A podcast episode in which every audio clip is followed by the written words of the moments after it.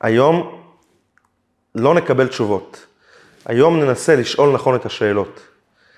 אם גם אתם מרגישים שיש לכם שאלות בעבודת השם, אם גם אתם מרגישים שיש פער מאוד מאוד גדול בין איפה שהייתם רוצים לראות את עצמכם, בין הרצוי לבין המצוי, לבין איפה שאנחנו נמצאים בפועל, בכל מה שקשור לקשר שלנו עם הקדוש ברוך הוא, בקשר שלנו עם בורא עולם, בכל מה שקשור לאיפה הוא נוכח בחיים שלנו, ולאיפה שהיינו רוצים לראות את עצמנו במלחמת היצרים, אז השיעור הזה מיועד בשבילכם.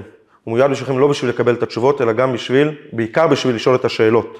ואני לא מדבר רק על בין אדם למקום, גם בין אדם לחברו.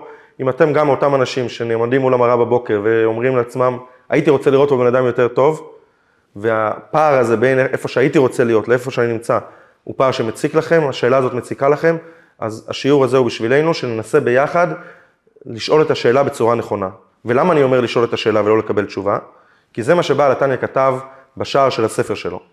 היום בימינו, אם בן אדם רוצה לדעת מידע על איזשהו מתעניין באיזשהו מוצר, הוא לא צריך לעשות הרבה, מספיק שהוא ידבר עם אשתו בבוקר על המוצר שאותו רוצה, צריך או רוצה לקנות, ואחרי לא הרבה זמן, אחרי כמה דקות, תופיע לו פרסומת ישירות בנייד שלו. יש מי ששומע אותנו ושולח לנו ישר את הפרסומות, ישר עד לעיניים שלנו.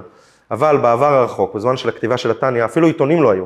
אם אתה היית רוצה להתעניין באיזשהו מוצר, באיזשהו ספר, הברירה היחידה שלך הייתה להסתכל עליו, לבחון אותו מבחוץ. ולכל ספר יש שער, יש את הדף הראשון של הספר שהוא נקרא שער, שבו המחבר של הספר כותב בכמה מילים מה הולך להיות בתוך הספר. והדרך שלנו להתרשם מספר התניא, להבין מה יש בתוך הספר הזה, היא באמת ללמוד ולראות מה הוא כתב, מה בעל התניא כתב בדף השער, בפתח של הספר שלו, ושם בעל התניא בחר להציף שאלה. הדרך שלו להבין, להסביר לנו מה יש בתוך הספר, לשכנע אותנו להיכנס לתוך הספר הזה ולצלול לתוכו, הוא באמצעות הצבת שאלה.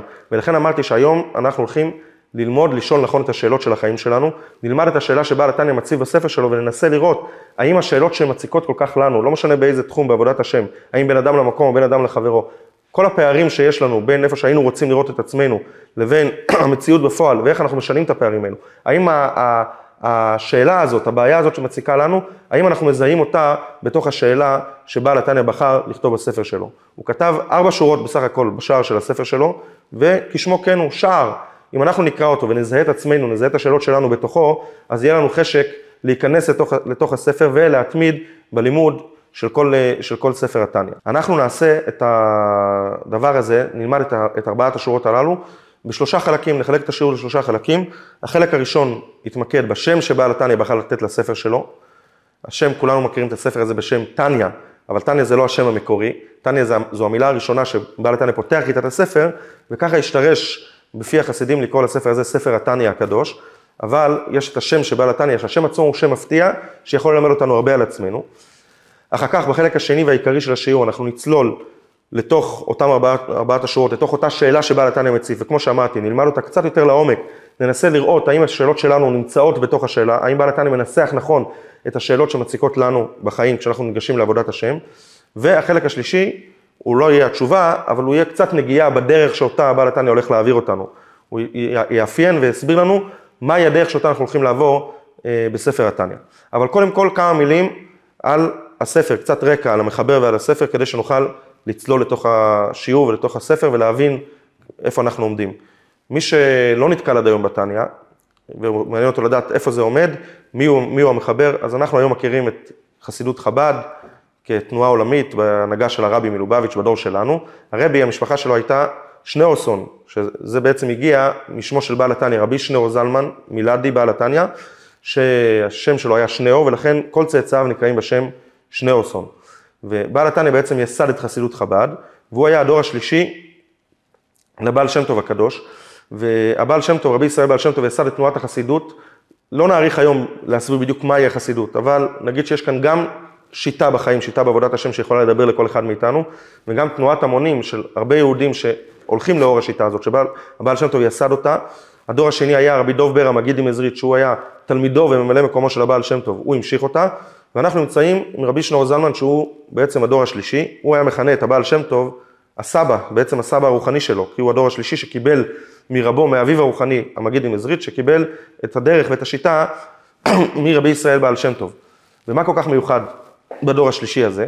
כי בעל התניא, למרות שהיו הרבה צדיקים לחסידות, הרבה תלמידים היו למגיד עזרית של הבעל שם טוב, הוא בעצם הראשון שכתב את החסידות, את שיטת החסידות, כספר ברור ומסודר. יש הרבה ספרי חסידות, בהם גם ספרים שיצאו לפני התניא, אבל רוב ספרי החסידות הם בעצם, למעשה, הם, אה, הם מתעדים את הדברי תורה שהאדמו"רים והצדיקים היו אומרים בשבתות, בימים טובים. אני מאמין שאם ניקח ספר של צדיק ונלמד אותו ונעשה עליו מחקר, נוכל להבין מה שיטת אותו צדיק בעבודת השם.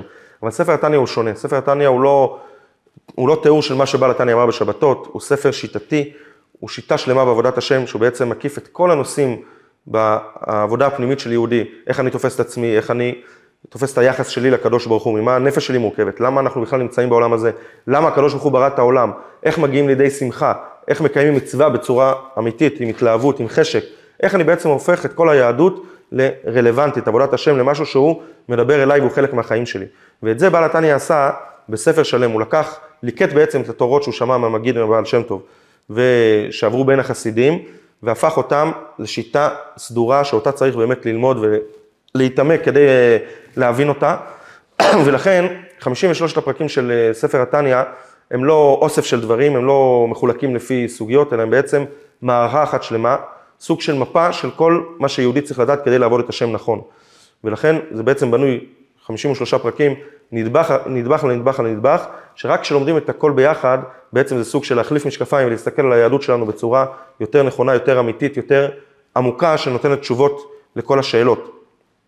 אבל אנחנו בעזרת השם נשתדל ללכת בשני שבילים מקבילים.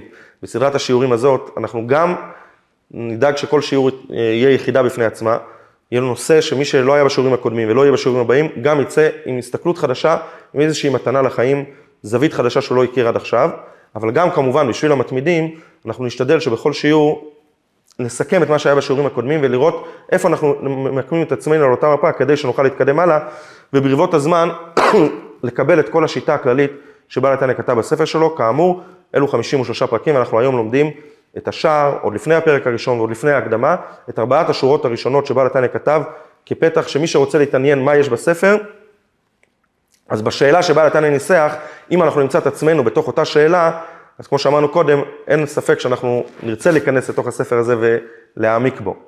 ומכאן אנחנו עוברים לחלק הראשון, כמו שאמרנו, שזה השם, השם של הספר, בעל התניא בחר לקרוא לספר שלו בשם ספר של בינונים. אני רוצה לשתף אתכם בסיפור שקצת יעזור לנו להבין מה כל כך מיוחד בספר הזה. זה היה ממש לפני לא הרבה זמן, לפני כמה שבועות. עשינו כאן אה, סיום על כל ספר התניא שלמדנו אותו בקבוצה פה באשקלון במשך אה, כמה שנים. והיה שם יהודי שלא היה איתנו, ב... הוא השתתף בחגיגה, אבל הוא לא היה איתנו בלימוד עצמו. הוא בעצם החזיק את ספר התניא פעם ראשונה בחיים. הוא ניגש אליי ואומר לי, בכנות, הוא אומר לי, הרב, הספר הזה מדבר אליי. ואני מסתכל עליו, אני אומר לו, למדת את הספר הזה? הוא אומר לי, לא. אני אומר לו, אז למה זה מדבר אליך? הוא אומר, ראיתי את השם הזה, ספר של בינונים. א', זה מסקרן. ב', הרבה יותר ממסקרן, זה מדבר אליי. עד היום, כל הקורסים שמנסים למכור לי, כל הספרים, אם נדבר בעולם החיצון, אז זה כמובן, כל ההישגים הגשמיים, זה הכל קורס, איך להיות מספר אחד, איך להיות הכי מצליח, איך להיות, להגיע להישגים הכי גבוהים, איך להיות אלוף בתחום שבו אתה אה, רוצה להתמקצע, ואם נדבר על עבודת השם, זה בעצם איך להיות צדיק, איך להיות מושלם. ופעם ראשונה שאני רואה ספר, אומר, אני כבר בעצם שבעתי מההבטחות האלו, שבעתי מהתקוות שווא שמתנפצות כל הזמן אל הקרקע. אני פותח ספר ואני רואה שהוא מדבר אל בינונים, הוא לא, מצ... הוא לא מציב לעצמו יעד לדבר לאנשים גדולים, הוא לא מציב להיות מספר אחד, אלא הוא מכיר בעובדה שאני התאכזבתי מעצמי, הוא אומר, כן, אם אתה מרגיש את עצמך בינוני, הספר הזה מיועד בשבילך. כבר בשם של בעל התניא אנחנו מבינים, השם שהוא בחר לתת לספר שלו, שהספר הזה מיועד בעצם בשבילנו.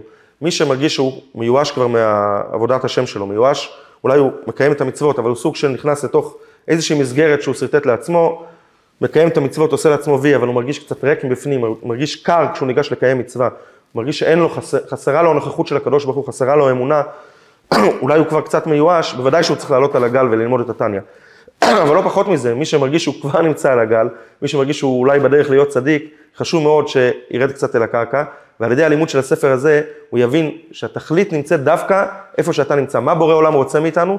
זה להגיע למקום שלנו, עם כל הכישלונות שלנו, עם כל מה שעברנו, ולמצוא את הדרך שלנו בעבודת השם. וזה מה שאומר לנו השם ספר של בינונים. משהו שקצת יותר ימחיש את זה, זה משל ששמעתי מאחד מהרבנים החשובים בחב"ד, אולי אחד המומחים הגדולים היום שיש תורת חב"ד, תורת בעל התניא והתורה של הרבי. זה השליח הראשי של הרבי, הרב של חב"ד בארגנטינה, הרב צבי גרינבלט. הוא אמנם אמר את המשל הזה בנוגע לעניין אחר בתניא, אבל הוא ממש משלים את מה שאנחנו אה, מדברים פה. הרב גרינבלט אה, מספר שהיה במרכז אמריקה, ביערות שם, אנשים שהם חוקרי שבטים, גילו שבט חדש שבעצם עד היום לא נפגש עם הציוויליזציה המודרנית, והוא, אה, אנשים, הם פוגשים את האנשים, מתקשרים איתם התחלה בשפת הידיים, מלמדים אותם, מתחילים להראות להם מכשירים חשמליים ובגדים ואת כל נימוסי העולם, מלמדים אותם בעצם איך חיים מחדש בעולם המודרני. היה שם גם אדם נדבן שדאג לשלוח קונטיינר מלא בצעצועים. היה תור שלם, אמרו להם, זה בשביל הילדים שלכם. עמד שם איזה אדם, אה, יליד של אותה, אותו שבט, והוא רואה קופסה שמצויר עליה ארמון, שהוא בחיים לא ראה כזה בית מפואר. משהו מטורף. הוא אומר לעצמו, זה משחק שמתאים לילדים שלי. הוא לוקח, הוא לוקח את הקופסה, בשמחה רץ הביתה, וכל הילדים סביבו, הם פותחים אותו ממש בחרדת קודש, לא להרוס שום דבר. ברגע שהם פותחים את הקופסה, הם כולם, הפנים שלהם נופלות ונהיים עצובים. מה זה, מה מכרו לנו פה? מה הביאו לנו? איפה הארמון היפה שיש בחוץ? זה בסך הכל אוסף של, אה, של שברים, אולי זה נשבר בדרך. הוא מהר לוקח את המשחק וחוזר בחזרה לאדם שנתן לו אותו. הוא אומר לו, מה, רימית אותי? אתה לא יכול להביא לי משהו שלם? הילדים שלי כל כך התרגשו לראות את הקופסה ואני פותח אותה, ומה שאני מגלה זה שברים, מה שאני מגלה זה חתיכות אבנים שאין לי מה לעשות איתם. קח את זה בחזרה, תחליף לי את זה במשחק אחר. אומר הרב צבי גרינבלט שבעצם המשל הזה הוא משל עלינו. אנחנו כולנו מצפים לראות את עצמנו כמו אותו ארמון מושלם, כמו איזה אדם צדיק, איזה מצב אוטופי שהיינו שואפים להגיע אליו, גם מבחינה רגשית, גם בקשר שלנו עם הסביבה וגם בעיקר בקשר שלנו עם בורא עולם, ואנחנו שוב ושוב מתאכזבים, שוב ושוב מתנפצים. ובעל התניא מלמד אותנו בספר התניא, הוא ספר של בינונים, כדי ללמד אותנו שהנחת רוח האמיתית, כמו שאמר אותו בן אדם לאבא, הוא אומר לו, אתה יודע מתי אתה תהיה שמח? שתראה שהילדים שלך קלטו את הפואנטה, שהם מסתכלים על כל השברים, הם מבינים שהם לא שברים, יש שם גדלים מסוימים, הכל מכוון, ומתחילים לאט לאט לבנות את הארמון שהם רואים בחוץ. אז אתה תוכל להיות שמח, תבין שהצלחת בחינוך של הילדים שלך, תבין שהם הבינו את הקטע של המשחק, וזה המשחק של החיים. זה בעצם מה שאומר לנו בעל התניא. ביום שאנחנו נבין שאנחנו בינונים, וספר של בינונים הוא ספר שמדבר אלינו, זה היום שבו התחלנו את הדרך של עבודת השם, זה היום שבו אנחנו יכולים לצעוד את הצעד הראשון בפתח אל השער, ספר של בינונים. ו... וניכנס לתוך הארבע שורות עצמם, לתוך אותה שאלה שבעל התניא מציף, כי כמו שאמרנו, הוא לא נותן תשובה, הוא לא נותן טעימה מהספר, הוא בסך הכל מציף לנו שאלה, שהשאלה הזאת, אנחנו ננסה ביחד לראות האם היא מדברת אותנו, האם היא מנסחת נכון את השאלה שכל אחד מאיתנו שואל את עצמו בעבודת השם. בעל התניא בוחר לצטט פסוק ולשאול עליו שאלה. אם אנחנו היינו מייסדים ספר על פסוק, היינו בוחרים כנראה את אחד הפסוקים היסודיים יותר באמונה שלנו, בתורה. דרך אגב, הרבי, הרבי מלובביץ', הוא בחר 12 פסוקים מתוך כל התורה, פסוקים ממאמרי חז"ל, וביקש שישננו אותם עם ילדים. כל בית חב"ד בעולם, כל בית ספר של חב"ד וכל מקום שההוראות של הרבי הגיעו, הבקשות של הרבי הגיעו, נראה ילדים מדקלמים ואומרים וצועקים את אותם 12 פסוקים. ויש בהם באמת הפסוקים הכי חשובים באמונה. למשל, הפסוק הראשון, תורה ציווה לנו משה מורשה קהילת יעקב. כן, מה בעצם אומר הפסוק הזה? שהתורה, אנחנו אומרים לילד, תדע לך כבר מגיל אפס, התורה כולה שייכת לך, היא לא שייכת למגזר מסוים בעם ישראל, לא שייכת לאנשים אחרים, לתלמידי חכמים, לרבנים. התורה שייכת, היא ירושה לכל יהודי ויהודי. יש את הפסוק המפורסם, שאנחנו אומרים אותו פעמיים בכל יום, יהודים הלכו איתו באש ובמים על קידוש השם, שמע ישראל, השם אלוקינו, השם אחד. זה גם אחד מ-12 הפסוקים. פסוק של האמונה, או הפסוק, בראשית ברא אלוקים את השמיים ואת הארץ, שמלמד אותנו שיש מי שברא ומסדר, ובורא ומסדר ומנהיג את כל היקום הזה. יש מי שתכנן אותו. פסוקים שבאמת רואים אותם כיסודיים. אבל יש אחד הפסוקים שאומנם הוא מופיע ב-12 הפסוקים, אבל זה לא הפסוק הכי צפוי שעליו היינו מצפים שספר שמקיף את כל התחומים ביהדות ובעבודת השם ידבר עליו וישים אותו כפסוק בסיס, זה פסוק שאמר אותו משה רבנו לפני פטירתו. אנחנו יודעים שכל ספר דברים זה בעצם הצוואה שמשה רבנו אומר לעם ישראל, ומשה רבנו בעצם נותן לנו את הצוואה שלו לדורות. בין הדברים שם אומר משה רבנו את הפסוק הבא, כי קרוב אליך הדבר מאוד, בפיך ובלבבך לעשותו. מה זה הדבר הזה שמשה רבינו מדבר עליו? מה זה הדבר? טוב, אנחנו הולכים כמה מילים אחורה ואנחנו מבינים שבעצם הוא מדבר לא על דבר אחד, אלא על מכלול של דברים, אולי על תרי"ג דברים, תרי"ג מצוות, על כל התורה כולה, שהיא בעצם מקיפה את כל החיים שלנו. אנחנו יודעים שאחד הדברים המיוחדים ביהדות, שהתורה לא ממוקדת בחלק אחד של היום, או תקדיש לקדוש ברוך הוא איזשהו חלק, תרי"ג מצוות בעצם מקיפים, אין פרט בחיים, כל מפגש עסקי שלנו עם אנשים, או כל מילה שאנחנו מוציאים מהפה, כל מפגש שלנו עם כל דבר בעולם, הוא בעצם סוג של מצווה של הקדוש ברוך הוא, האם לעשות אותו או לא לעשות אותו, בכל דרכיך דאהו. משה רבינו אומר, ש... אומר לעם ישראל, הוא בעצם עומד, אנחנו יכולים לדמיין לעצמנו את עם ישראל, הולך להיפרד מהמנהיג הגדול, שנתן להם את התורה ולימד אותם את התורה עם הרבה דרכים, הרבה חתכתכים בדרך, הרבה עליות וירידות, אומר להם, האם בן אדם יאמר, לו, יאמר לעצמו בלב, יש על זה גם שיר, כן? שהתורה היא מאוד מאוד רחוקה ממנו. אם תאמר שהתורה נמצאת בשמיים, ותאמר מי יעלה לשמיים להביא לי את התורה, אם תאמר שהתורה נמצאת מעבר לים, ותשאל מי יעבור לי את הים ויקח את התורה ויביא אותה אליי, שתהיה קרובה אליי, אומר משה רבנו זה לא נכון, הגישה הזאת לא נכונה. כי קרוב אליך הדבר מאוד, התורה כולה קרובה אליך מאוד, לא סתם קרובה, קרובה מאוד. אתה יכול לקיים את כל התורה בפיך, כל המצוות שתלויות בפה, אם זה להתפלל לקדוש ברוך הוא, אם זה לדבר טוב על אנשים אחרים, אם זה להימנע מדיבורים שליליים. ובלבבך לעשותו, כל רוב המצוות שהן מצוות של מעשה, אבל לא פחות חשוב מזה, אולי העיקר, זה המצוות שקשורות ללב. המצווה של אהבת השם, של האמונה, של היראה, כל המצוות שנוגעות לנפש האדם. אומר משה רבנו, זה לא נמצא מעבר לים, הכל בהישג יד, הכל נמצא קרוב אליך, קלי קלות לקיים אותם. וכאן נמצאת השאלה של בעל התניא.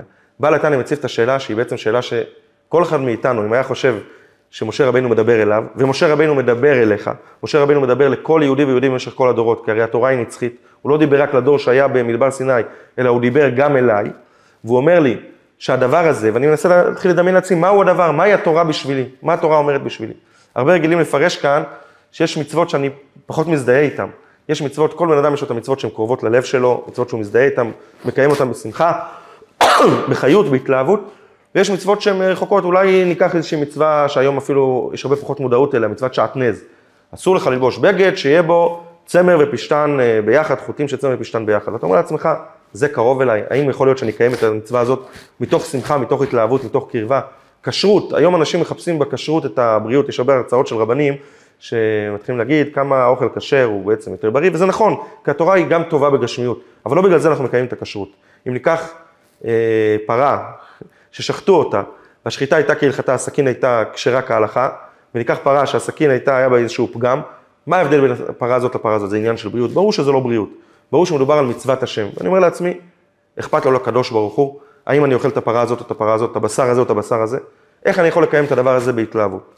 אבל האמת היא שזה פחות נורא, אולי אדרבה, אדם שכן מרגיש קרבת השם, בוא נגיד שהבעיות של הלב שלו הוא פתר כבר, הוא מרגיש שהקדוש ברוך הוא נוכח איתו, הוא אומר אני מוכן בשבילו לעשות הכל. דווקא המצוות שאנחנו מזדהים איתן, דווקא המצוות שהיינו רוצים, אולי היינו מקיימים אותן גם אם התורה לא הייתה ניתנה, דווקא המצוות האלו, לפעמים נראים לנו שהם נמצאים בשמיים, או אולי מעבר לים. הן ממש ממש לא קרובות. הן אולי קרובות אלינו מבחינת ההזדהות שאנחנו חושבים עליהן. כיבוד אב ואם. כל אחד אומר לעצמו, אני חייב לכבד את אבא ואמא שלי, כן? זה דבר שהוא אלמנטרי, דבר שהוא מוסרי, זה, זה רגש טבעי. אני מאוד מאוד רוצה לעשות את זה, אבל לא תמיד זה קל. אמרתי פעם בשיעור לתלמידים, משהו שמאוד מאוד תפס אותם, אלו היו תלמידים אה, מתבגרים, ואמרתי להם, אתם זוכרים, כשהייתם צעירים בבית הספר, תמיד היה בכיתה את הילדים מה שנקרא אולי היום אה, ילד כאפות, כן? ילד שכולם מרביצים לו ופוגעים בו, הוא מה שנקרא, בכל מקום הוא, הוא זה שסופג. ויש את הילדים שפוגעים. אז אני שואל את עצמי, האם הילד הזה שפוגעים בו כל הזמן, הילד הזה שפשוט כולם רומסים אותו, כולם דוקרים אותו, הוא חוזר הביתה כל יום בוכה, האם החיים שלו עבדו, האם אין לו סיכוי לחיים? ברור שלא, ברור שיש איך לטפל בזה. אם יש צוות כמו שצריך, יש מורים רגישים, אם ההורים שלו ערים לזה, א', יש לו גם את הבית, הוא חוזר הביתה והכל בסדר בבית. בבית הוא כמו חממה בשבילו. אבל לא רק זה, אפילו שנגיד יעברו כמה שנים, הוא יחליף סביבה, יטפל בעצמו, הוא יכול לפרוח ויכול, אנחנו מכירים מספיק אנשים שבבית ספר היו מהסוג הזה, ילד כאפות, שהיום הם הילדים הכי מצליחים בחיים. אנשים שמצאו את עצמם ומגשימים את עצמם. אבל, ככה אמרתי על אותם ילדים מתבגרים, מה קורה עם הילד הפוגע? הילד הפוגע, שהוא ילד אולי נחמד לו, הוא דוקר, יש לו, הוא מקבל אפילו תשואות בכיתה, הוא יודע להגיד את המילה הנכונה במקום הנכון, אבל מה קורה אחרי שהוא מתבגר ואומר לעצמו, החבר שלי שפגעתי בו כבר ברח ממני, כבר הצליח להתחמק ממני. הסביבה כבר בורחת ממני, אבל האם אני יכול לברוח מעצמי? הוא עומד מול המראה ואומר לעצמו, מי אני? איזה בן אדם אני? וזה לא חייב להיות בעניין של בן אדם לחברו, זה יכול להיות בעניין של כעס, זה יכול להיות בחוסר אמונה, זה יכול להיות בייאוש מי אני ומה התפקיד שלי בחיים, האם יש תכלית לעולם הזה, האם הצער שאותו אני חווה, זה דבר שהיום כולם אה, מדברים עליו, אדם רוצה לא רק לעשות הכל, לא רק להיות בעל מרץ, אלא גם להיות בשמחה, להיות שלם עם עצמו. ובן אדם אומר לעצמו, אם נגיד אה, במחילה מכבודו של משה רבינו, אם אני מדמיין לעצמי את משה רבינו עומד מולי, לא רק מול עם ישראל במדבר, אלא עומד מולי ואומר לי, זה לא רק האמונה שקרובה אליך, זה לא רק הביטחון בהשם, זה לא רק המצוות שאתה לא מבין בשכל, זה לא רק בשר וחלב וכשרות, וזה לא רק תפילין ולא רק שבת. את השבת אני מוכן לשמור, אני עושה וי, אני יודע, זאת המסגרת שהכנסתי את עצמי לתוכה, אולי אני עושה את זה עם פחות התלהבות, אבל אני עושה אותה. אני מדבר על המצוות שאני דווקא מזדהה איתן, המצוות הרגשיות, המצוות המוסריות, המקום שבו הייתי רוצה לראות את עצמי כשאני עומד מול המראה ולהגיד, כן, הבן אדם הזה בן אדם טוב. האם אתה רציני כשאתה אומר לי שהמצוות האלה, כל המצוות האלה, כל התורה והמצוות, כל המכלול הזה, כל הדבר הזה, הוא קרוב אליך? כבר ניסיתי את זה, וזה לא הולך לי. כמו שאמרנו, יש פער עצום בין הרצוי למצוי. אני, כל התקוות שלי מתנפצות אחת אחרי השנייה, ואני שואל את עצמי, איך משה רבנו אומר לי שהדבר הזה קרוב אליך?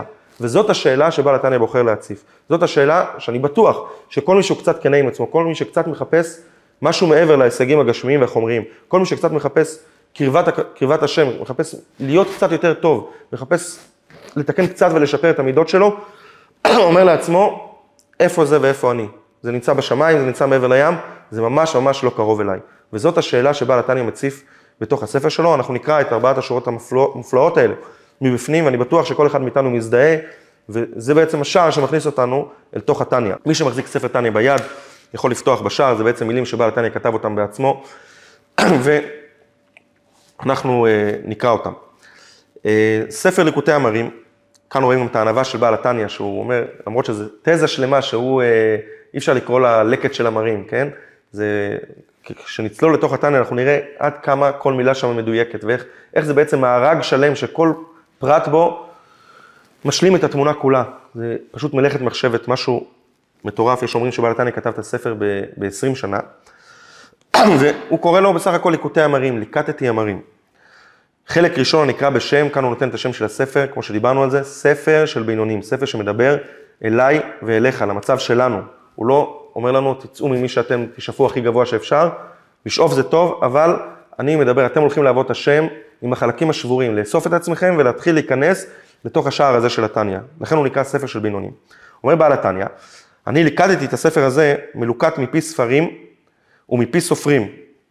המסורת של הדורות אמרה שהוא גם גילה מהם הספרים שהוא בעצם משתמש בהם. הוא משתמש כמובן בספרות חז"ל, בגמרא, בספר הזוהר, הרבה מובאות מתוך הזוהר, אבל גם הוא הלך בשיטה של אחד הסבות שלו, אחד מאלה שבא לתניא מצאצאיו, שחי לפני 500 שנה בפראג, הלא הוא המהר"ל מפראג, ספרי המהר"ל מפראג. אה, יש אומרים גם ספרי הרמב"ם, יש אומרים גם ספרי השלה הקדוש, רבי ישעיהו, שכתב את ספר שני לוחות הברית. אלו ספרים שבעצם עוסקים, אנחנו מדברים על הרמב"ם, על מורה הנבוכים, ספרי פנימיות התורה, ספרי פנימיות, שבעצם מתוכם בן אדם יכול אה, לסלול לעצמו דרך בעבודת השם. ומפי סופרים, סופרים אלו אנשים שלא כתבו בעצמם ספרים, ובזה הוא רומז לרבותיו, כמו שאמרנו, לדור הראשון לחסידות רבי ישראל בעל שם טוב, ולדור השני למגיד ממזריץ' רבי דוב בר ממזריץ', קדושי עליון נשמתם עדן. אומר בעל התניא, אני יסדתי את כל הספר הזה על, על פסוק אחד, הוא בא לבאר, לא בראשית ברא אלוקים את השמיים ואת הארץ, לא שמע ישראל השם אלוקינו השם אחד, למרות שמי שרוצה לדעת על הבריאה, יכול לראות את זה בתוך הספר הזה, מי שרוצה לדעת על האמונה, על שמע ישראל, על בראשית ברא אלוקים, על התורה, תורה ציווה לנו משה, זה הכל נמצא בתוך הספר הזה. אבל אם אתה רוצה לדעת מהו הפסוק שילווה אותך לכל הספר, זה הפסוק הבא. הפסוק כי קרוב אליך, הדבר, כמו שאמרנו, שהדבר הזה כולל את כל המצוקות שלנו, את כל הפערים שיש בין איפה שהיינו רוצים לראות את עצמנו בעבודת השם, לבין המציאות. והדבר הזה אומר, אומר משה רבינו אלינו, הוא קרוב מאוד, קרוב אליך הדבר מאוד בפיך, מצוות שקשורות לפה, לדיבור, ובלבבך מצוות שקשורות ללב, מצוות האמונה ואהבת השם, אהבת ישראל, לעשותו וכל שאר המצוות, רוב המצוות שהן בעצם מצוות של עשייה. אומר בעל התניא, אנחנו קוראים את זה במנגינה של שאלה, כי יש פה שאלה עצומה. לבאר היטב, דרוש כאן ביאור שהוא לא סתם ביאור, צריך לבאר, להתאמץ מאוד מאוד חזק כדי לבאר את הדבר הזה, איך הדבר לא נמצא בשמיים ולא מעבר לים, אלא איך הוא קרוב מאוד. לבאר היטב איך הוא קרוב אליך, איך יכול להיות, איך משה רבינו אומר לנו שכל הדבר הזה, כל אחד יבחר לעצמו עכשיו, ידמיין לעצמו את השאלה, את האתגר שמציק לו בעבודת השם, וישאל את עצמו, האם באמת זה קרוב אליי? איך זה קרוב אליך? אומר בעל התניא, זה האתגר שאני לוקח על עצמי. מי שייכנס לשער הזה, מי שילמד את הספר הזה, לאט לאט הוא יבנה לעצמו השקפת עולם שתשנה את המבט שלו על עצמו, תשנה את המבט שלו על הקדוש ברוך הוא, על מה שנדרש ממנו, על מהי מצווה, על איך עושים מצווה בהתלהבות, על איך אני מעדן את עצמי ומגיע יותר קרוב לקדוש ברוך הוא ויותר קרוב לאנשים אחרים, איך אני מגיע לידי שמחה. כל הדבר הזה אומר בעל התניא, אני הולך לבאר אותו היטב, איך הוא קרוב מאוד לכל אחד ואחד מאיתנו. ואני הולך לעשות את זה, וכאן אנחנו גולשים לחלק האחרון של השיעור, שהוא קצת נותן לנו נגיעה קטנה באיזה צורה, מה האפיון של הדרך. אמרנו, את התשובות הוא לא נותן, התשובות נמצאות בשיעורים הבאים בעזרת השם, בפרקים של התניא עצמו. אבל בעל התניא אומר לנו כאן, אני רוצה להגיד, להגדיר לכם את הדרך. תדעו מה מאפיין את הדרך הזאת ותחליטו בעצמכם האם היא מתאימה לכם או לא מתאימה לכם.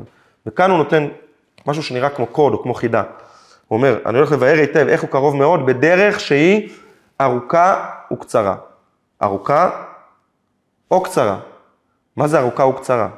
יש כאן איזשהו קוד. בעל התניא מתכוון לרמוז לנו כאן משהו. אז האמת היא שבמהלך השנים, אה, במשך מאות שנים, שלמדו טניה, זה לא היה כזה קוד, פירקו את הקוד הזה בצורה מאוד מאוד פשוטה. אמרו, יש כאן בעצם שני דרכים בתוך הטניה. בדרך ארוכה וקצרה, כאילו בעל התניא אומר, בדרך ארוכה ובדרך קצרה. וידעו להגיד לנו בדיוק מהי הדרך הארוכה שבתוך התניא, יש דרך ארוכה שהיא דורשת מאמץ יותר, ויש דרך שהיא, מה שנקרא, קיצורי דרך איך להגיע להרגשה שכל התורה וכל המצוות, כל הפערים שיש לנו בעבודת השם, איך להשלים אותם, איך להגיע לזה שזה לא יהיה מעבר לים, אלא יהיה קרוב אליי, יש דרך ארוכה ויש דרך קצרה. אבל אנחנו לומדים את התניא לפי איך שלימד אותו הרבי בדור שלנו, והרבי טען שאין כאן שני דרכים. הרבי פירש את המילים בדרך קצרה וארוכה בדרך אחרת, והוא אומר שכן, יש פה קוד, אבל כדי לפענח את הקוד הזה, אנחנו צריכים להבין שבעל התניא לא המציא את החידה הזאת. הוא לא המציא את המילים דרך ארוכה וקצרה, הוא הביא אותם מתוך דברי הגמרא. הדבר מופיע בגמרא במסכת עירובין, הרבי מציין גם למדרש, שיש שם סיפור על ילד שהוא בעצם המציא, ילד ירושלמי קטן, לפני אה, כמעט אלפיים שנה, 1800 שנה, 1700 שנה, שהילד הזה, הוא בעצם טבע את המושג של דרך ארוכה וקצרה, ובעל התניא בעצם משתמש באותו מושג שלו. מה הסיפור? מהי הדרך הארוכה והקצרה? הגמרא במסכת עירובין מספרת לנו על רבי יהושע. רבי יהושע בן חנניה אמר, מעולם לא ניצחני אדם, הוא היה פילוסוף מאוד גדול, רבי יהושע גם היה תנא קדוש, שלימד הלכות, אבל גם ניהל ויכוחים, והגמרא מתעדת כל מיני דברים שהוא, ויכוחים שהיה לו עם אנשים. הוא אמר, מעולם לא ניצחני אדם, חוץ מאישה, בה אנחנו לא ניגע בסיפור הזה, וילד קטן מהעיר ירושלים. מספר לנו רבי יהושע, הייתי הולך בדרך, רציתי להגיע לירושלים, ואני מגיע לפרשת דרכים. טוב, רבי יהושע, תוציא Waze, תסתכל על Waze, לאיזה דרך ללכת, ימינה או שמאלה. אבל לא היה Waze, שילוט גם לא היה, אבל היה ילד, ילד ירושלמי שיושב ומשחק באבנים, ורבי יהושע פונה אליו ואומר לו, תגיד לי, אתה מהעיר? אז הוא אומר לו, כן. הוא תגיד, באיזו דרך אני מגיע לעיר? ימינה זה לעיר או שמאלה? הילד הירושלמי היה ילד פיקח, והוא מסתכל עליו, והוא אומר לו, רבי, שני הדרכים מובילות אל העיר. הדרך הזו היא דרך קצרה וארוכה, והדרך הזו היא דרך ארוכה וקצרה. רבי יהושע שומע אותו, והוא אומר לעצמו, מה זה הקוד הזה? קצרה וארוכה, ארוכה וקצרה, עוד יותר מבלבל מה שאומרים רק ארוכה וקצרה. יש לנו כלל בהלכה שאומר תפוס לשון ראשון. יש כל מיני הסברים למה רבי יהושע בחר דווקא את הדרך הזאת, אבל הוא אומר, הוא אמר על זו שהיא קצרה. זה שהוא אמר אחר כך שהיא גם ארוכה, פחות מעסיק אותי, אני בוחר בדרך הזאת. והיא אכן הייתה דרך קצרה. הוא הולך ופונה ימינה, הוא עובר איזה גבעה קטנה ומיד העיר ירושלים נפרסת לעיניו אה, במלוא הדרה. ממש מרחק קצר ממנו, אבל הוא מנסה להתקדם והוא רואה שיש פתאום אה, גדר של קוצים, יש איזושהי שדה, אי אפשר לעבור אותה, יש מהמורות. כמה שהוא מנסה, הוא נעקץ פה, נסרט, והוא מבין, הוא מתייאש, הדרך הזאת לא מובילה לשום מקום. דרכה אני לא אגיע לירושלים. הוא חוזר אחורה ואומר לילד, אמרת לי שזו הדרך הקצרה לירושלים. הוא אומר לו, רבי, אמרתי לך, היא דרך קצרה, אבל היא לא רק קצרה, היא גם ארוכה, לא מגיעים בסוף. הדרך השנייה היא אמנם ארוכה, יש בה עליות, יש בה ירידות, סיבובים, אתה לא מיד רואה את העיר. אבל בסופו של דבר, אם תתמיד ותלך בה, תגלה שהיא דרך קצרה. בסופו של דבר השער יהיה פתוח, וזוהי דרך המלך. בדרך הזאת אתה תוכל להיכנס לתוך ירושלים. וירושלים היא לא רק עיר פיזית, ירושלים היא גם מלשון ירא שלם, יראת שמיים, קרבת השם. זה המקום שיהודים הגיעו אליו כדי לעבוד את השם, כדי להתקרב לקדוש ברוך הוא, ולכל אחד יש את ירושלים שבלב. אם אני מחפש את הקדוש ברוך הוא, מחפש לענות לעצמי על השאלה, איך אני עונה על הפער, אותה שאלה שמציקה, וכל אחד שוב ידמיין לעצמו את השאלה שמציקה לו, אחד זה משהו באמונה, מה התכלית שהקדוש ברוך הוא בשבילה ברא את העולם, מה אני עושה פה בעולם הזה, למה, האם יש פשר לכל הדברים האלו. אחד ישאל את עצמו שאלות של איך אני מקיים, שומר את המצוות, את העשייה. הלב שלי, אני אוהב את השם לגמרי, הייתי רוצה לקיים, אבל מה שמרגיש לי רחוק זה איך הפרקטיקה, איך אני מקיים את כל הלכות השבת, להלכותיהם ולפרטיהם. והשני יגיד לעצמו, אותי דווקא מעניין בין אדם לחברו. אני מרגיש לא נוח עם מי שאני. ואני אומר לעצמי, יש פער מאוד מאוד גדול. מה הדרך שתביא אותי לשלמות? מה הדרך שתביא אותי ליראת שמיים אמיתית, לירושלים? ועל זה אומר לך בעל התניא, אם אתה רוצה שאני אבאר לך היטב, איך לעבור את הדרך הזאת, איך להגיע איך הוא קרוב אליך, איך התורה לא נמצאת בשמיים ולא מעבר לים, אלא איך היא קרובה אליך מאוד מאוד, אתה צריך לדעת שהדרך הזאת היא דרך ארוכה וקצרה. היא לא דרך קלה, היא דרך שיהיו בה עליות, יהיו בה ירידות, היא למעשה, כמו שלימד בתוך התניא, היא דרך לכל החיים. וזה דבר שכל אחד צריך להגיד לעצמו. בן אדם, בן אדם לפעמים אומר לעצמו, מתפלל, לא לעצמו, אומר לקדוש ברוך הוא, כן? השם תלחץ על הכפתור, לב טהור ברע לי אלוקים. תלחץ על הכפתור כבר שיקח ממני את העץ הרע הזה, שיקח ממני את התאוות האלו, ייקח ממני את האתגרים האלו. אני כל כך רוצה לעבוד אותך, אבל שיהיה לי קל. אבל בגשמיות זה לא ככה. כשאני מבין שאני רוצה להגיע להישגים גשמיים, כל אחד מבין, הוא קצת התבגר וקצת עבר משהו בחיים, הוא יודע שכדי להגיע לפרנסה בשפע, כדי להגיע לאיזשהו הישג גשמי, הוא צריך לעבוד, הוא צריך ללמוד, הוא צריך להתאמץ, והוא יודע שיהיו לו נפילות בדרך, הוא יודע שיהיו עליות ויהיו ירידות, הוא מוכן לדרך ארוכה. ואם הוא לא מוכן לדרך ארוכה גם בזה, אז הוא נמצא בבעיה. אבל בעבודת השם פתאום אנשים רוצים דרך קצרה, או שהם כבר התייאשו, אנשים ריאליים, אני מסמן וי על מה שאני עושה, מה שאני לא עושה, החלטתי לעצמי ושלום, הלב שלי נשאר אי שם בגיל 17, בשאיפות של גיל 17, או שאם הוא לא ריאלי אז הוא מתנפץ, הוא כל הזמן רוצה מחדש לכבוש את, ה, את עבודת השם, להגיע למקום הכי קרוב לקדוש ברוך הוא, והוא מרגיש שככל שהוא רודף אחרי התורה ורודף אחרי המצוות ורודף אחרי המעשים הטובים, הקדוש ברוך הוא כביכול בורח ממנו ומתרחק ממנו. זה מעבר לים, זה, זה רחוק. ועל זה אומרים לו, תשקיע, אל, לא, אף אחד לא ילחץ לך על שום כפתור. אם אתה תלך עם בעל התניא לאורך כל הדרך, תלמד את כל 53 הפרקים האלו, תשנה את השקפת עולמך, תזדהה, תבין, אמרנו שזה נקרא חב"ד, חסידות חב"ד, חוכמה, בינה ודעת. אתה צריך להבין ש, שהדרך לא מגיעה רק מהלב. ו, וכאן נכנסים לדבר יותר עמוק. אם בכל דבר אנחנו צריכים דרך ארוכה, כל דבר אנחנו מבינים, כל הישג גשמי, אנחנו מבינים שהדרך שלנו היא דרך ארוכה, כשאנחנו מדברים על עבודת השם זה נכון בכפליים, וזה פשוט השיטה החדשה שיסד בעל התניא. אנחנו נסיים את זה עם סיפור שמאוד מאוד ממחיש מהי החסידות, ומה חידש בעל התניא בחסידות, מה חידש ספר התניא, ומהו המסע שאותו אנחנו הולכים לעבור עם ספר התניא. מספרים על שני חסידים, שני יהודים, שהיו חברים מאוד מאוד טובים. התחילו מאותה נקודת מוצא, שניהם רצו לעבוד את השם, שניהם חיפשו דרך בעבודת השם, שניהם היו מאותו כפר, אותם תנאים, אותם ניסיונות בעבודת השם. כמעט תאומים זהים. אחד מהם נסע לליאדי ונהיה חסיד של בעל התניא. בעל התניא פעל מהעיירה ליאדי, נהיה חסיד של חסידות חב"ד בעל התניא. קיבל מהרבי הדרכות בעבודת השם, למד תניא, והשתדל להתנהג בצורה שבעל התניא מבקש ממנו. החבר שלו השני נסע גם לאדמו"ר חסידי שהיה ידידו של בעל התניא, והוא היה אדם קדוש, קדוש וצדיק שסיפרו עליו נפלאות, והוא קראו לו רבי חיים חייקל מאמדורה.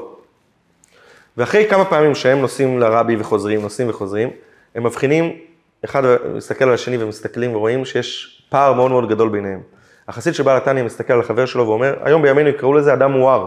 הוא חוזר מהרבי, כולו אש להבה, הוא בוער, הוא בוער בעבודת השם, הוא מאיר פנים לכל אדם, הוא קם בבוקר בזריזות, הוא מתפלל, הוא מתפלל באריכות, הוא מתפלל ממש תפילה שכל אחד מאיתנו היה, היה רוצה שתהיה לו, הוא ממש מרגיש הנוכחות של הקדוש ברוך הוא, מרגיש, הלב שלו מוצף באהבת השם, ביראת שמיים. אחר כך הוא יוצא לעבודה, הוא לא, לומד תורה, קובע עיתים לתורה, הכל הולך לו, מה שנקרא בקלות, הכל הוא עושה בשמחה, כל בקשה שיהודי מבקש ממנו, את הכל הוא עושה, הכל, והכל ככה, מה שנקרא, בעלייה, גרף שרק עולה ועולה ועולה בלי ירידות. ואילו החסיד של בעל התניא מסתכל על עצמו ואומר לעצמו, הולך לי הרבה הרבה יותר קשה.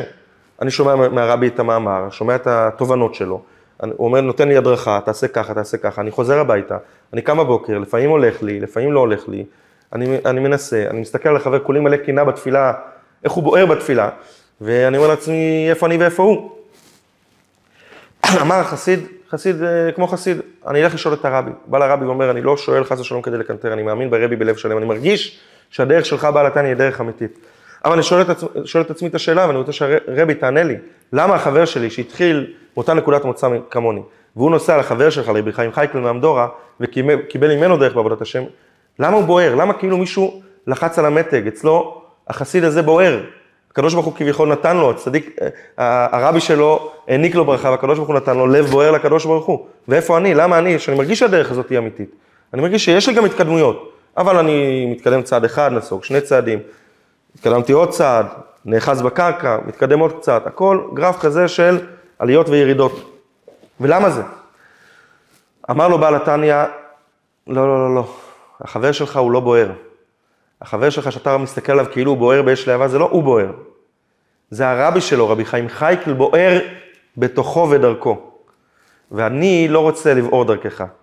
אני לא רוצה שאני אבער, אני רוצה שאתה תסלול לעצמך את הדרך, אני רוצה שאתה תבער.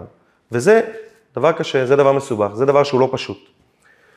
במילים אחרות, הסיפור הזה חסידים היו מספרים אותו כסיפור שמבטא מה החידוש של בעל התניא על, על פני שאר הדרכים בחסידות. שאר הדרכים בחסידות היו אומרים, אה, יש פסוק שאומר, צדיק באמונתו יחיה. כן, היום בחוץ, בעולם קוראים איש באמונתו יחיה, כאילו הפסוק בא לומר, חס ושלום, שכל אחד יבחר לו את האמונה שלו, כל אחד הנרטיב שלו, מה שנקרא, וסולם הערכים שלו, העיקר תאמין בזה באמת והכל בסדר, איש באמונתו יחיה. אבל הפסוק המקורי הוא לא איש באמונתו יחיה, צדיק באמונתו יחיה, הצדיק חי עם האמונה שלו בקדוש ברוך הוא. ו... והחסידים, שאר החסידויות, היו דורשים את הפסוק ואומרים, אל תקרא יחיה, אל תקרי יחיה, אלא יחיה. הצדיק, כשאתה בא לצדיק, באמונה שלו, בכוח של האש שבוערת בקרבו לקדוש ברוך הוא, הוא יכול להדליק גם אותך. הוא יחיה אותך, הוא ייתן לך חיים, ייתן לך עבודת השם, יבעיר את האש בתוך הלב שלך, ואתה בסדר. ואם אתה מרגיש שמשהו ירד, תיסע לצדיק והוא, תתחבר לשקע, תתחבר למתן, וזה יטעין אותך מחדש באש להבה. צדיק אמונתו יחיה. בעל התניא לא גרס את הדבר הזה. בוודאי שהוא הסכים שיש צדיק. בוודאי שהוא הסכים שהצדיק הוא זה שנותן לך את הדרך בעבודת השם, והוא סולל לך את הדרך. אבל מי צריך להדליק את הגפרור, מי צריך להבעיר, מי צריך לעבוד קשה לאסוף את החומרים, זה הכל אתה צריך לעשות מבפנים. הכל אתה צריך לעשות בכוחות עצמך. זה מה שאמר בעל התניא לאותו חסיד.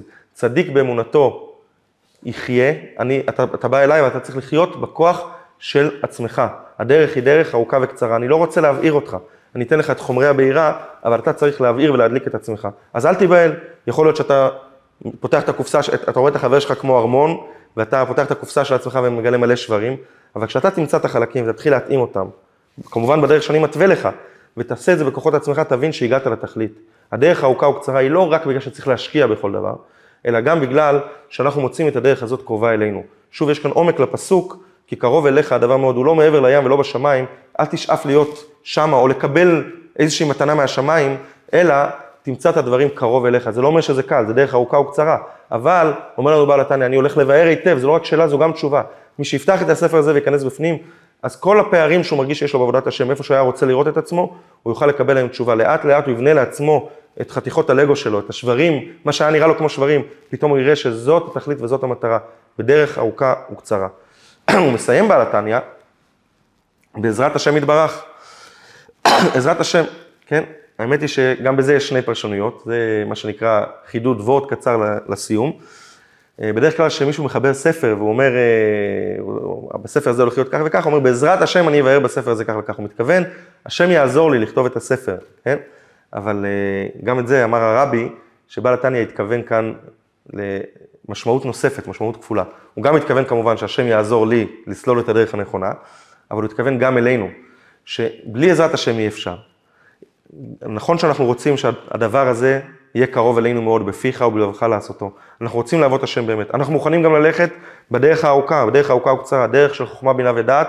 לא צדיק באמונתו יחיה, אלא לקבל מהצדיק את הכיוון והדרך, אבל לבנות את הדברים באמצעות השכל שלנו, באמצעות המודעות שלנו, לבנות את, את, את הדרך הנכונה שלנו בעבודת השם, את המקום שלנו. ספר של בינונים. אני בינוני ואני רוצה לעבוד את השם כעבודה של בינוני.